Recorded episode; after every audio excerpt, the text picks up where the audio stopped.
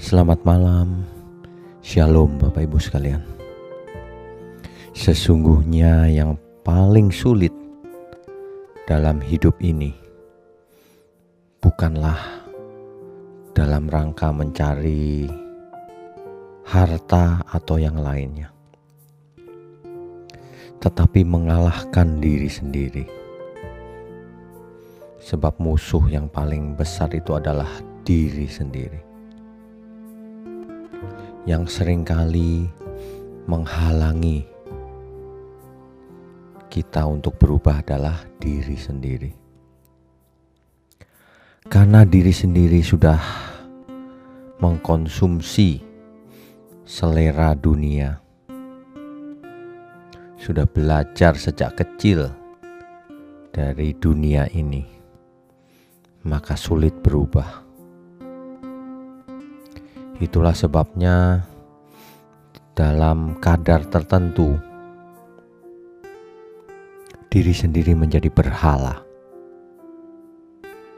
yang diutamakan seseorang dalam hidupnya. Apa saja yang dilakukannya hanya untuk kepentingan dirinya,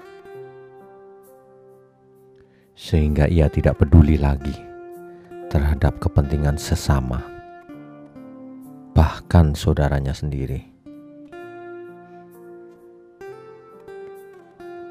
Diri sendiri inilah yang sering kali disebutkan sangat sulit untuk dirubah, hampir mustahil. Itulah sebabnya Alkitab memakai istilah lahir baru Sebab kalau seseorang tidak lahir baru, tidak mau berubah menjadi manusia baru, ia tidak akan pernah berubah sesuai yang Tuhan inginkan. Ia tidak akan pernah menjadi manusia seperti yang dirancang Allah mula-mula. Orang yang mengutamakan dirinya sendiri. Meskipun itu sukses, misalnya kaya raya, itu sebenarnya hidup yang sia-sia. Hal inilah yang ditekankan oleh Alkitab. Ada seorang kaya yang mengumpulkan harta untuk dirinya sendiri,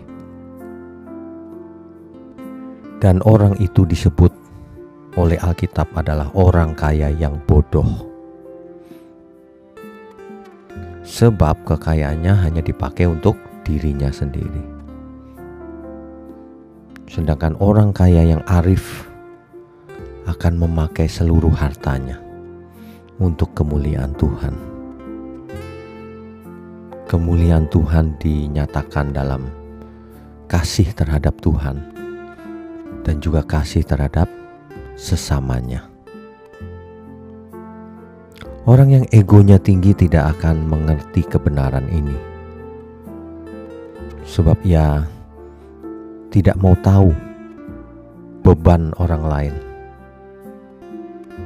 Orang semacam ini tidak mungkin melayani Tuhan, sebab meskipun ia ada di gereja, ia memikirkan dirinya sendiri itu pun dalam rangka keuntungan dirinya sendiri. Sehingga waktu ia memberi persembahan pun dalam rangka hitung-hitungan untung berapa nanti ya. Dibalas berapa ya oleh Tuhan. Begitu. Hendaknya ini menjadi pelajaran buat kita semua. Jangan seperti itu. Sebab itulah orang kaya yang bodoh dan ia pasti binasa.